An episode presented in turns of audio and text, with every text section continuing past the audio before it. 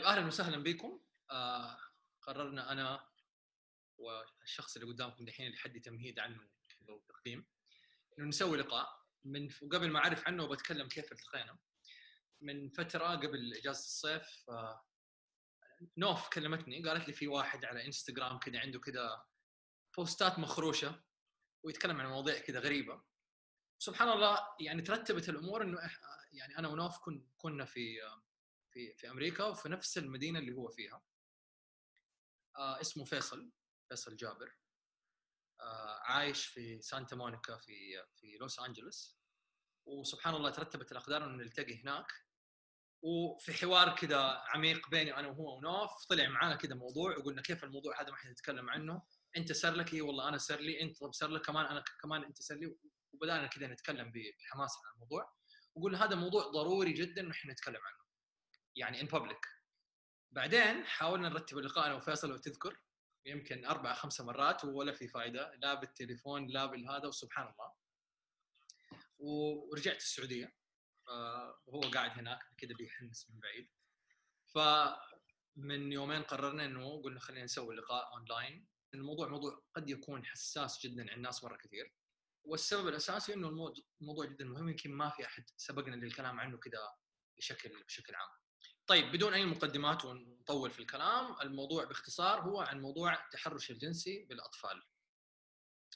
ففيصل عنده تجارب شخصية وتكلم مع ناس مرة كثير عدوا بنفس التجربة وأنا كذلك نفس الشيء. ونبغى نشوف إيش يطلع معنا في هذا اللقاء، يعني النية عند النية شخصيا قبل ما أبدأ الدردشة مع فيصل كانت النية هي إنه يصير في فتح من هذا اللقاء. أهلا وسهلا يا فيصل. أهلا وسهلا نور أجواء آه، آه، سانتا مونيكا يا إحنا في فرق في في ال- في التوقيت. أنا ال- الوقت عندي دحين صباحي. حتى في فرق في ال energy. أنت عندك الوقت ليلي شوية. وأنا بتقهوى عشان اواكب إيه. يا بس كلنا بنشرب قهوة. أيوه خلاص فما في فرق دحين في التوقيت. أنا من من زمان والموضوع هذا يعني أتكلمت فيه مع كذا أحد. ودائما ما كنت ألاقي قبول. دائما كنت ألاقي آه، صد أو مو كمان صد كنت ألاقي فيه استنكار من بعض الناس إنه أوه أنت حصل لك بس؟ لا أنا ما حصل لي أنا عادي. وبالذات لما أنت تح- تحصل لك هذه هذه يعني لما يحصل لك شيء زي كذا تقدر تشم ريحة نفوس الناس وتعرف إنه حصل لهم من غير ما يقولوا. يبان في في الرد يبان في الكلام. فانه نتكلم في هذا الموضوع أول شيء حيكون راحة لي شيء أبغى أطلعه. ودائما أنا أقول الحاجات اللي تضايقني سواء أكتبها ولا أقولها آه تروح مني سبحان الله أو تخف بشكل كبير. وهذا الموضوع زي ما أنت تقول النية اللي أنا يعني النية اللي أنا أبغى أتكلم فيها أو نية إنه أنا أتكلم في هذا الموضوع إنه مو بس مسألة مسألة وعي مسألة إنه نخلي الناس تبدأ تتكلم لأنه الكلام كله مفيد. والمواضيع هذه أساسها وأساس يعني إنه إنه الواحد يعني يتجنبها إنه يتكلم فيها ويصير الموضوع مسموع ويصير عند كل الناس الموضوع عادي. وخلينا نحط الموضوع كذا الحوار في مكانه إنه بعض الناس يتكلموا إنه إحنا جايين ننظر وإنه إحنا ما صار لنا ونحن بنقول إنه والله لازم الناس تنتبه ولازم تسوي. والحقيقة نحن بنتكلم عن تجارب شخصية بنتكلم عن تجاربنا. وهذا يمكن يدي دافع لناس ثانيين هم يتكلموا فما بنتكلم من برج عاجي كذا ومن عالي ونقول والله لا والله يعني لا الناس لازم يسوي نتكلم عن تجربة شخصية صارت لنا. وبالنسبة لي أنا ويمكن أنت كمان يا فيصل تشاركني إنه في ناس كمان كلمونا عن تجارب شبيهة صارت. والحقيقة إنه واحدة من الأسباب اللي يمكن اللي دعتنا إنه نتكلم عن هذا الموضوع كذا بابليك إنه المجتمع بيتكلم عن الموضوع وبيتكلم يعني بالفم المليان بس بيتكلم بطريقة الاستنكار إنه صار لا لا ما يصير أصلا هذا ما يصير عندنا. هذا بس هناك في الغرب. إحنا في في في دولة محافظة في بيئة محافظة في عائلة محافظة بس هذا ما يصير عندنا بس يصير هناك. وهذا واحد. اثنين لما يصير نسوي إنه إحنا ما ما شفناه. نغمض عيننا كذا ونخبي وهذه واحدة من الأشياء من الوسائل يعني من الطرق اللي يمكن تدمر النفسية بشكل كبير. وزي ما تفضلت أنت خلينا نبدأ بتجربة شخصية. للناس اللي يقولوا لا أنا ما لي حنبدأ حبدأ أنا شخصيا بمشاركة تجربتي. لما كان عمري تقريبا آه، خمسة سنوات في العادة كان آه، والدي ولا أخوي هو اللي يودينا المدرسة لكن كان عندنا سواق من آه، يعني من جنسية آسيوية. كان بيوصلني في للمدرسة بيأخذني من المدرسة لأنه والدي في هذاك الأيام ما كان ما يعني كان مشغول في هذاك اليوم تحديدا. وأنا راجع في الطريق الشيء اللي صار وما حأكون ما حأصف بتفاصيل الشيء اللي صار إنه فجأة لقيت يده في البنطلون حقي. وأنا ماني فاهم يعني عمري خمسة يمكن ولا ست سنوات وما ماني مستوعب إيش اللي صاير. لكن كنت مستوعب إنه كان عندي مشاعر خوف جدا كبيرة. فأنا أول ما وصلت البيت رحت لأمي قلت لها ماما كذا كذا كذا بيصير طبعا أمي كانت مذهوله وقالت لي شرحت لي الموضوع قالت لي إنه كذا ما يصير وكذا غلط وهذا اللي صار غلط ودحين حكلم والدك. وفعليا خلال يومين ثلاثة والدي جاء تكلم معايا والسواق تسفر فهذا أول تجربة صارت لي. التجربة الثانية صارت لي يمكن وعمري أنا تسعة ولا عشر سنوات. في وقت الخروج من من الصرفة في المدرسة. فجأة وأنا ماشي في في الزحمة حقت البوابة حقت المدرسة فجأة ألاقي واحد لصق لي كذا من ورا. وبرضه يعني ماني مستوعب إيش اللي صاير. يعني إيش اللي بيصير ولا إيش التفاصيل اللي بتصير. بس كل اللي حاسه إنه حاسس إنه في شيء في شيء ولا في أحد لاصقني من ورا وفي شيء غلط صاير. وماني قادر أعبر عن مشاعري. وماني قادر أقول هل هو الموقف مؤلم هل هو محرج هل هو عيب هل هو غلط. ففضلت ساكت إلى أن انتهى الموقف بعدين رجعت للبيت وقلت للوالدة أياميها الوالد توفى الله يرحمه فتكلمت معها قلت لها كذا كذا صار لي وماني مستوعب إيش اللي صار. فكان في تدخل ولما بقول كذا إنه بقول إنه والدتي تدخلت يمكن مو كل الآباء والأمهات يتدخلوا في مواقف زي كذا. من حسن حظي في هذاك الوقت إن أمي كان عندها الوعي الكافي ويمكن حسن التصرف اللي عرفت تتعامل مع هذا الموضوع عرفت توعيني. لكن في آباء كثير جدا وأمهات يمكن يعدي الموضوع منه وحنتكلم عن هذه التفاصيل. فراحت الوالدة المدرسة وتدخلت وكلمت المدير وانفصل الطالب. السؤال هو في الموقف الأول حق إنه تسفر السواق في الموقف الثاني حق انفصل الطالب هل أنا الموقف عدى علي ولا كأنه صار شيء؟ ابدا. اللي حاب أقوله إنه في تجربتي أثر على نفسيتي في أشياء مرة كثير ما كنت عارف إنه هذا كان مؤثر أصلا، ما كنت عارف كيف ممكن يأثر علي، إنه موقف وصار وانتهى الموضوع وفي الغالب يمكن الأمهات والآباء يقولوا إنه لا تجيب سيرة لأحد ولا لا تتكلم مع أحد عن الموضوع عشان عيب، عشان غلط، عشان إيش يقولوا الناس، عشان عشان عشان تطلع معنا أسباب جدا جدا كثير. أول ما بديت آه، تتكلم عن المواقف اللي حصلت لك آه، بدأ يجيني تعرف مغص البطن الوجع اللي يجيك في البطن لما يكون في شيء غلط بيحصل سواء كان قبل اختبارات أو خوف. هذا الوجع هذا حسيته في أول آه، موقف حصل لي إنه أحد جاء و... وأول موقف حصل لي حصل لي من غير لمس من غير تاتش من غير ما حد يجي يلمسني. أول موقف حصل لي كان مع شخص آه، يقرب لي آه، أكبر مني.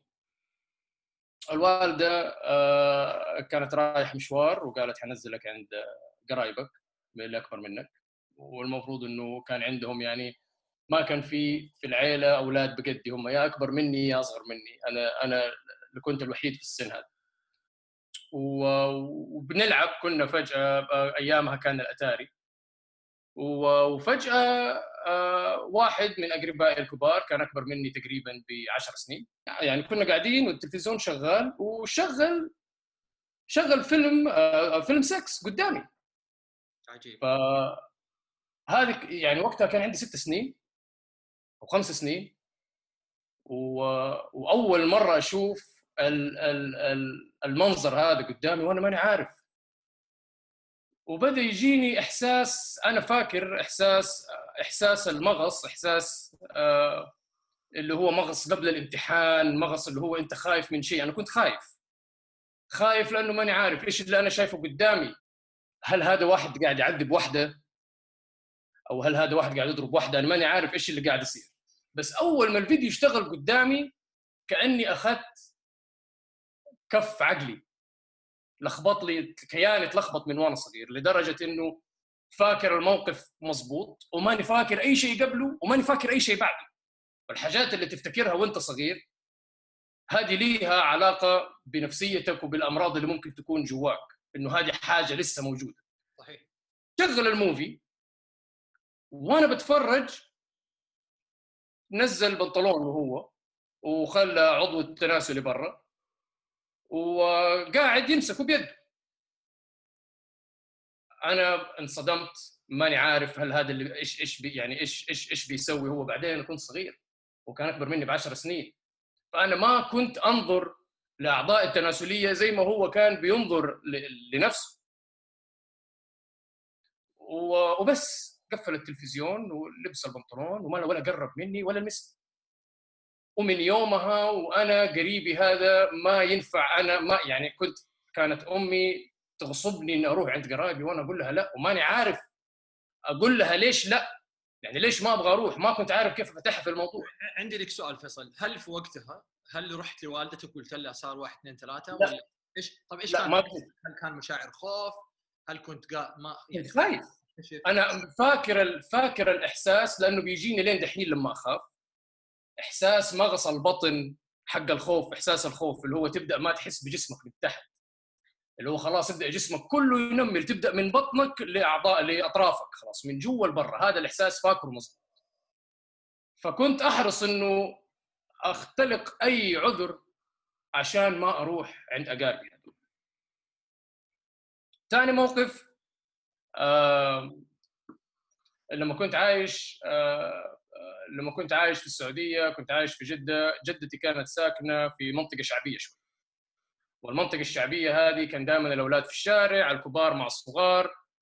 ولما بديت أنزل الشارع بعد ما صار عمري 6 7 سنين وألعب في الشارع صاروا أقاربي اللي أكبر مني يوعوني إنه ما ينفع أحد يلمسك هنا، ما أحد يسوي لك لعبة الحزام، ما أحد يجي يشيلك، تعال كلمني، ما عارف إيش، لغاية ما نقلنا من منطقة شعبية لمنطقة شو... لمنطقة أرقى، خرجنا من المنطقة الشعبية و... وأول ما خرجنا جاء واحد من أقاربي بيقول لي بيقول لي الوالدة إنه لازم ما دام جيتوا هنا ناخذ أولادك ونروح نتعرف على الإمام حق المسجد ونسجل أولادك في التحفيظ وما نعرف إيش. فأمي قالت فكرة جميلة فكرة طيبة. ورحنا التحفيظ وسجلت في التحفيظ. وهذا أول يوم كان لي. أنا قاعد في الحلقة. و... والأطفال قاعدين على شكل دائري وفي المقرئ قاعد بينهم. فأنا شايف الأطفال واحد واحد بيعدي بيقعد قدام الشيخ بيقعد في حضنه في عقبه. يعني الشيخ قاعد متربع والطفل قاعد قدامه. وشايف الشيخ آه، بيتحرك الحركة هذه اللي هي حركة لما الواحد يكون قاعد أو بيقرأ بيحرك ظهره. فأنا ما ما ما ركزت هو إيش قاعد يسوي لغاية ما جاء دوري. وقعدني قدامه قعدني في حضنه بس هذه المرة لقيته حسيته بيقرب. وبعدين حسيت انه إنه هو قاعد يتحرش فيا. حسيت حسيت بكل شيء. هو كان لابس ثوب فحسيت بكل حاجة. وبعدين بديت وأنا قاعد بديت أستوعب. أنا برضه جاني وقتها نفس المغص اللي جاني وأنا عمري ست سنين ونفس ال pause اللي حصل نفس ال stop حياتي صار لها stop كذا pause إيش اللي قاعد يصير؟ في شيء غلط قاعد يصير. بعدين قعدت أتخيل إنه الأطفال هذول واحد واحد كان بيصير فيهم كذا وكلهم ساكتين. فانفجرت وقمت وجريت. رجعت على البيت على طول. آه، أمي كانت في البيت. أول ما رجعت كلمتها. وقلت لها يا ماما المسجد اللي رحت فيه الإمام قعد وسوى لي كذا كذا كذا شرحت لها بالتفصيل. امي انفجعت كلمت الوالد الوالد جاء الوالد كان في العمل جاء الوالد كلمت أولاد خالاتي الكبار جو ورحنا كلنا اتجهنا على المسجد آه عشان يتأكدوا من الحادثة اللي صارت. والغريب في الموضوع إنه المقرئ كان مجهز إنه إحنا جايين. كان واقف هو والإمام والمؤذن كانوا واقفين برضه الشلة كلها وكذا يعني مست يعني عارفين إنه في شيء صار. هل كان مستعد عشان إنه شافك هربت ولا خرجت؟ شافني هربت وصارت في ربكة. أوكي. دفيته وجريت هربت هو يقول لي تعال تعال ولين عند الباب بس. جريت خلاص. آه رحنا المسجد. وأبويا كان متعصب وطبعا في البداية بداية الكلام أنا ما كنت حاضر كلهم دخلوا وأنا كنت لغاية ما شفتهم خارجين جايين علي. فالإمام حق المسجد إيش بيقول للوالد؟ يقول له تصدق الطفل وتكذب الشيخ؟ إنه خلاص إنه خلينا نحل الموضوع. حبي الموضوع ما صار. هم ناكين الموضوع إنه الموضوع ما صار. ابنك هذا قاعد تهيأ له. ما صار كذا وفعلا مش الموضوع إنه هذا الطفل ما يفهم ومستحيل نكذب الشيخ اللي اللي اللي بدقن مقرأ القرآن لأنه هذا شيخ فهل والدك مشى الموضوع في وقتها؟ والدي مشى الموضوع في وقتها بس أول ما رجعنا البيت وقعدنا نتكلم أنا وهو وقعدنا قال لي أنا مصدقك و... وقاعد يقول لي إنه مو شرط إنه هو يصلي أو مو شرط إنه هو إمام في المسجد أو مو شرط إنه هو تحفيظ آه، معناته إنه هو كويس وخلاص المسجد هذا أنت ما حتروح تاني. وهذول يعني الثاني يعني هذا الثاني موقف حصل لي وبعدها يعني ما ما ما عرفت كيف أعالج الموضوع وقلت هذا عادي ما يحتاج إن أتكلم فيه مع أحد. آه وما كنت عارف إنه الموضوع هذا منتشر إنه مثلا حصل أنا كنت حسب إنه هو حصل لي أنا لوحدي ما حد حيفهم. سؤالي لك فيصل قبل ما ننتقل للنقطه الثانية اللي حتقولها. إيش تعتقد السبب اللي يخلي يعني تحديدا إحنا في هذا الحوار بنتكلم عن الرجال؟ مو معناته إنه النساء ما بيصير لهم تحرش لا بس بنتكلم عن موضوع محدد تماما. فإيش اللي تعتقد لما الرجال الرجال يكبر ويوعى إيش تعتقد الشيء اللي يمنع الرجال انه يتكلم عن تجربته؟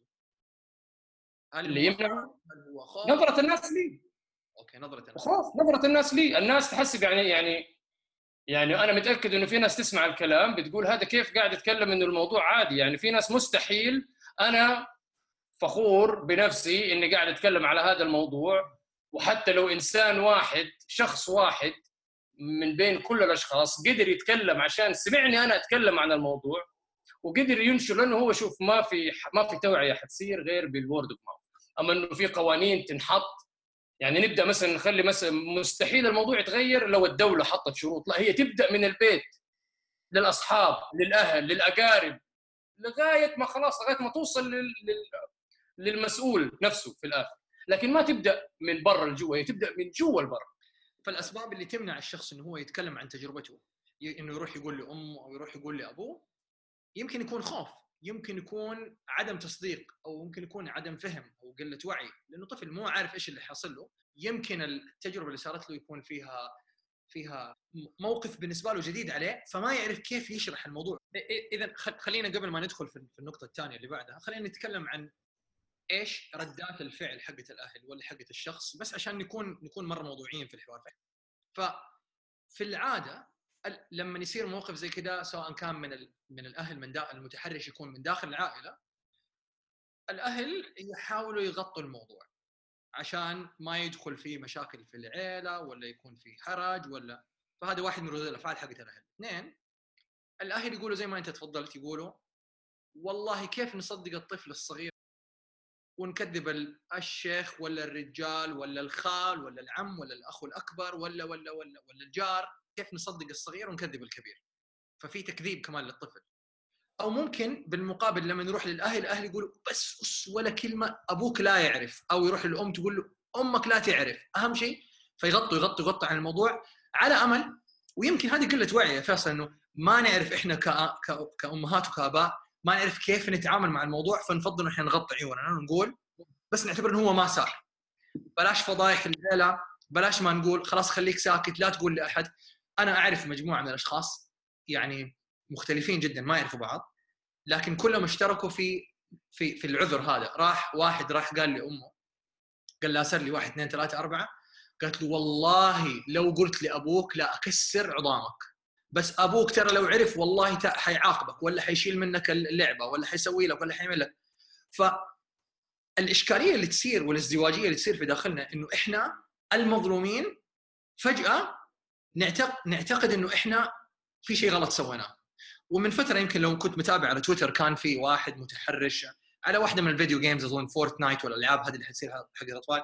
في في الكلام اللي بدأ يطلع كانوا الناس بيقولوا على على على تويتر على السوشيال ميديا إنه واحدة من الأسباب واحدة من الأعذار اللي بيقولوها المتحرشين إيوه مسكتوا عيالكم ما كان أحد وصل لهم.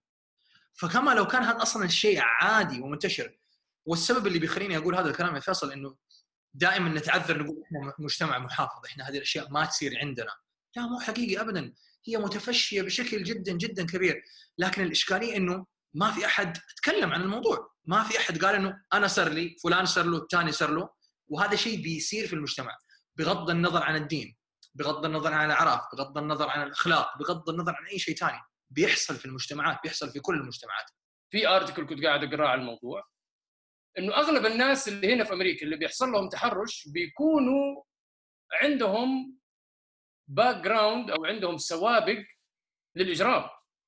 كنوع من أنواع إنه he want to experience something new يبغى يجرب حاجة جديدة. لكن إحنا الموضوع بيحصل عندنا لأسباب ثانية. يعني هذا موضوع الإجرام إن صعب إنك تتفاداه لأن الرجال already مجرم already يبغى يجرب الشيء.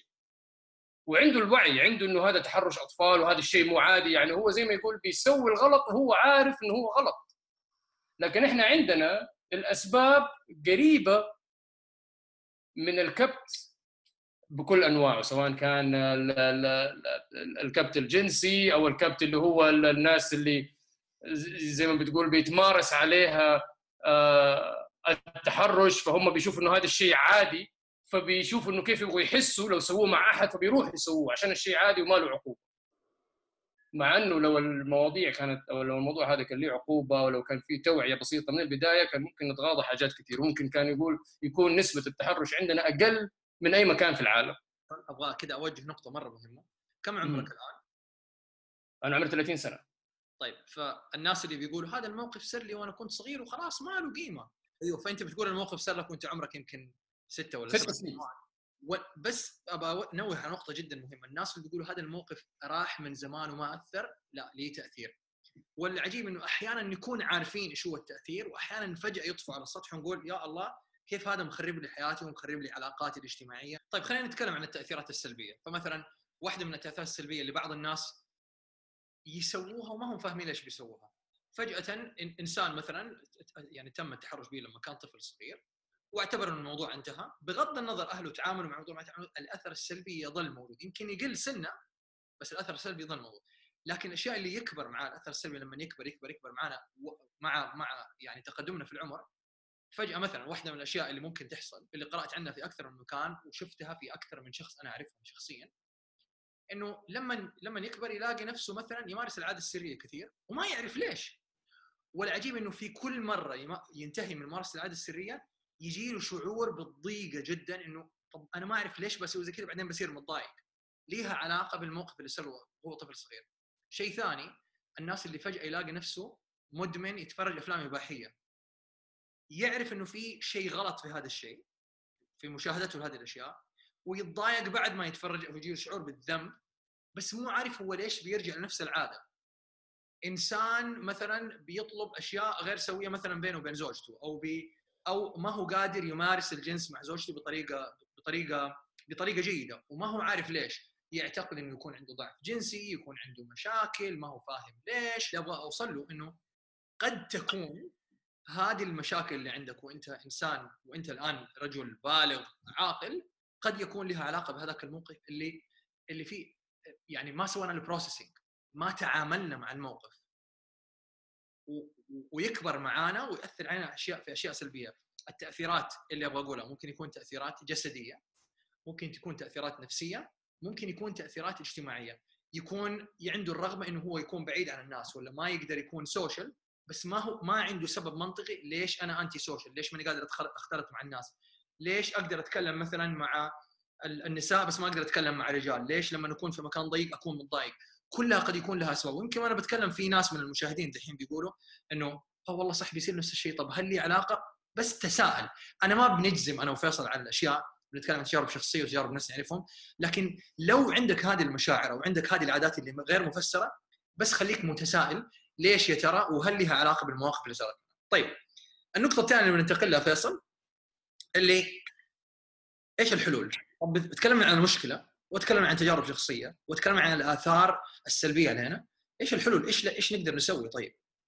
فإحنا تكلمنا عن الحاجات السلبية زي ما أنت تفضلت وقلت اللي حتصير لك وأنت كبير الأحاسيس اللي حتصير لك لما تكبر سواء كنت متزوج أو تأثر عليك في علاقاتك الشخصية والاجتماعية هي وأنت ما أنت عارف تربط إنه هذه كانت بسبب إنه أنت تحرش بيك شخص وأنت صغير وفي عندك طاقة والطاقة هذه كان ممكن تطلعها بكذا وجه وتعالج نفسك بنفسك منها إنها تتكلم عن الموضوع ومنها إنك تكتب الموضوع. تكتب الموضوع كقصة صارت لك. يعني أنا هذه أنا جربتها في نفسي. آه إنك تكتب عن تجربة حصلت لك تتشافى من الموضوع ما بقول كليا بس كأنه السحر بيحصل. حاجة ما تكلمنا برضو عنها يا نور. ترى تفرق لما أنت بتكون تشوف يعني هل الشخص اللي تحرش فيه هذا موجود لسه في حياتك؟ ولا خلاص اختفى؟ لو الشخص هذا موجود لسه في حياتك وأنتم ما تكلمتوا في الموضوع ما هو ممكن كلمة منه تطلع لو أنتم تكلمتوا في الموضوع أنت واجهت الشخص اللي تحرش فيه مهما إيش كان مثلا حتى لو تزوج وصار عنده عيال أو لو انت رحت واجهته وتكلمت معاه ترى ممكن تعابير وجهه أو كلمة تطلع منه تكون لك زي السحر تشافيك على طول وتهدم في في في في, في بينك وبينه أو بينك وبين نفسك حتى مو بينك وبينه تهدم بينك وبين نفسك أسوار كبيرة تبنت بس عشان انت ما واجهت الشخص وما تكلمت. أنا لما قريبي اللي أكبر مني آه سوى معايا الحركة هذه. لما كبرنا وأفتكر كان في عيد وكان متزوج وعنده أولاد وقتها لما قررت أكلمه. رحت قعدت جنبه وأنا قاعد جنبه face to face قلت له فاكر لما أنا كنت صغير وأنت سويت كذا كذا أنت تعرف إنه هذا الموضوع وقتها سوالي كذا وكذا وكذا ولين دحين كذا وكذا تعابير وجه الولد وأنا أكلمه و... والندم والأسف وإنه هو برضه هو اوريدي إنسان يعني يعني أديته أعذاره وأنا بكلمه أديته أعذاره. أنا متأكد إنه هو ما اتخلق كذا وهو ما كان كذا أكيد حاجة صارت له خلته يصير كذا فلما تكلمت معاه الموضوع انتهى. وتلاشى يعني. خلاص يعني ما صار تأثيره علي زي تأثيره علي لما كنت مثلا في المدرسة أو لما كنت في الث... لما لما كنت لسه يعني آه يعني لما لما كنت لسه ما وصلت لمرحلة الوعي اللي أنا فيها لما كنت لسه صغير. فخلينا نقول إيش هي الأدوات؟ فواحدة من الأدوات هي الكلام. الكلام إنك تروح مثلا واحد تتكلم مع مين؟ قلنا إنه تتكلم مع شخص ثقة. ممكن يحفظ سرك وتقول له أنا لما كنت طفل صغير صار لي واحد اثنين ثلاثة أربعة. فتتكلم سواء كانت الشخص هذا قريب ولا غريب لكن الشيء العلاقة الأساسية اللي تربطك بينه بينك وبينه هو الثقة. اثنين ممكن بعض الناس يقول لك والله ما عندي هذا الشخص موجود في حياتي. ممكن تتكلم مع مع مختص نفسي. ثلاثة زي ما أنت تفضلت ثلاثة إنه ممكن تروح تتكلم مع المتحرش. لو كان لو قدرت أنت تجتمع يعني تجمع الشجاعة الكافية إنك تروح تتكلم تروح تتكلم مع المتحرش أنا لما كنت طفل صغير أنت سويت فيه واحد اثنين ثلاثة أربعة ملامح وجهه أو نبرة صوته أو الأسف حقه يكون كافي إنه هذا الموقف يبدأ يتلاشى من حياتك. أربعة يمكن بعيد عن الكلام يمكن الكلام مع النفس إنك على الأقل تعترف إنه هذا الموقف صار لك وإنه اللي صار ما هو شيء عادي وما هو شيء طبيعي ومو كل الناس يسووه وما أنت لوحدك في مليون أحد ثاني صار له. والكلام مع النفس انه ممكن يكون بالكتابة. تكتب كلام رسالة لنفسك إنه أنا لما كنت طفل صغير صار لي واحد. أحيانا يعني يعني يعني كلمة تتكرر مرة كثير دائما إنه ما نقدر نحل المشكلة إذا ما اعترفنا بوجودها. وجاء على بالي شيء دحين وأنت تتكلم فيصل إنه واحدة من الأشياء اللي تصير لنا لما نكون أطفال ويصير لنا موقف زي كذا يمكن كأنه survival technique النفس ولا الجسم ولا العقل يسويه عشان نقدر نتفادى هذه النقطة ونتجاوزها عشان نقدر نكمل حياتنا. إنه يصير في مسح للذاكرة في هذيك اللحظة. يعني أنا شخصيا الموقف هذا اللي صار لما كنت طفل صغير ما تذكرته إلا في العشرينات. والموقف الثاني ما تذكرته بتفاصيله إلا لما صار عمري يمكن 30 سنة الموقف انه حتى لدرجة إنه رحت لوالدتي وقلت لها هل لما كنت بس بتأكد منك هل لما كنت طفل صار لي واحد اثنين ثلاثة أربعة أكدت لي قالت لي أيوه صار فجزء مننا كأنه يغطي هذا يغطي هذا الموقف لأنه يمكن بسبب إنه الشوك كان مرة كبير.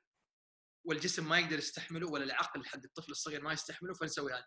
لكن إذا بدأ يعني يطفو على السطح لما كبرنا معناته إنه الجريف ولا الألم حق الموقف هذا ما زال موجود وبالتالي التأثير حقه ما زال موجود.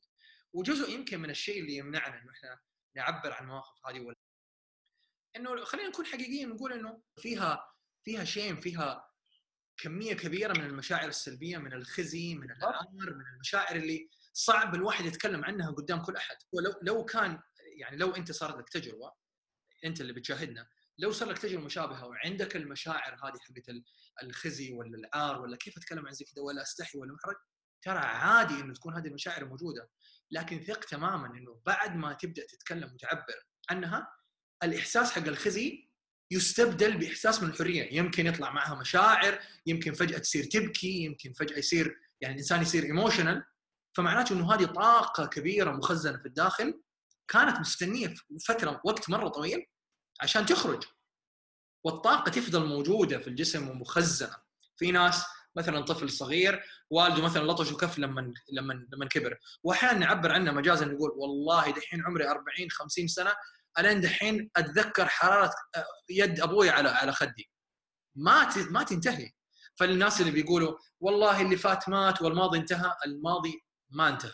الماضي بيعيش معانا وبيجدد معانا وبيتحول كأنه نظارة بنشوف بها الحاضر والمستقبل. في اللي اللي يصير معانا إنه الحاضر والمستقبل يصير مشوه بال- بالمواقف حقت الماضي. فما نقدر نشوف الأشياء والأشخاص زي ما هم حقيقيين.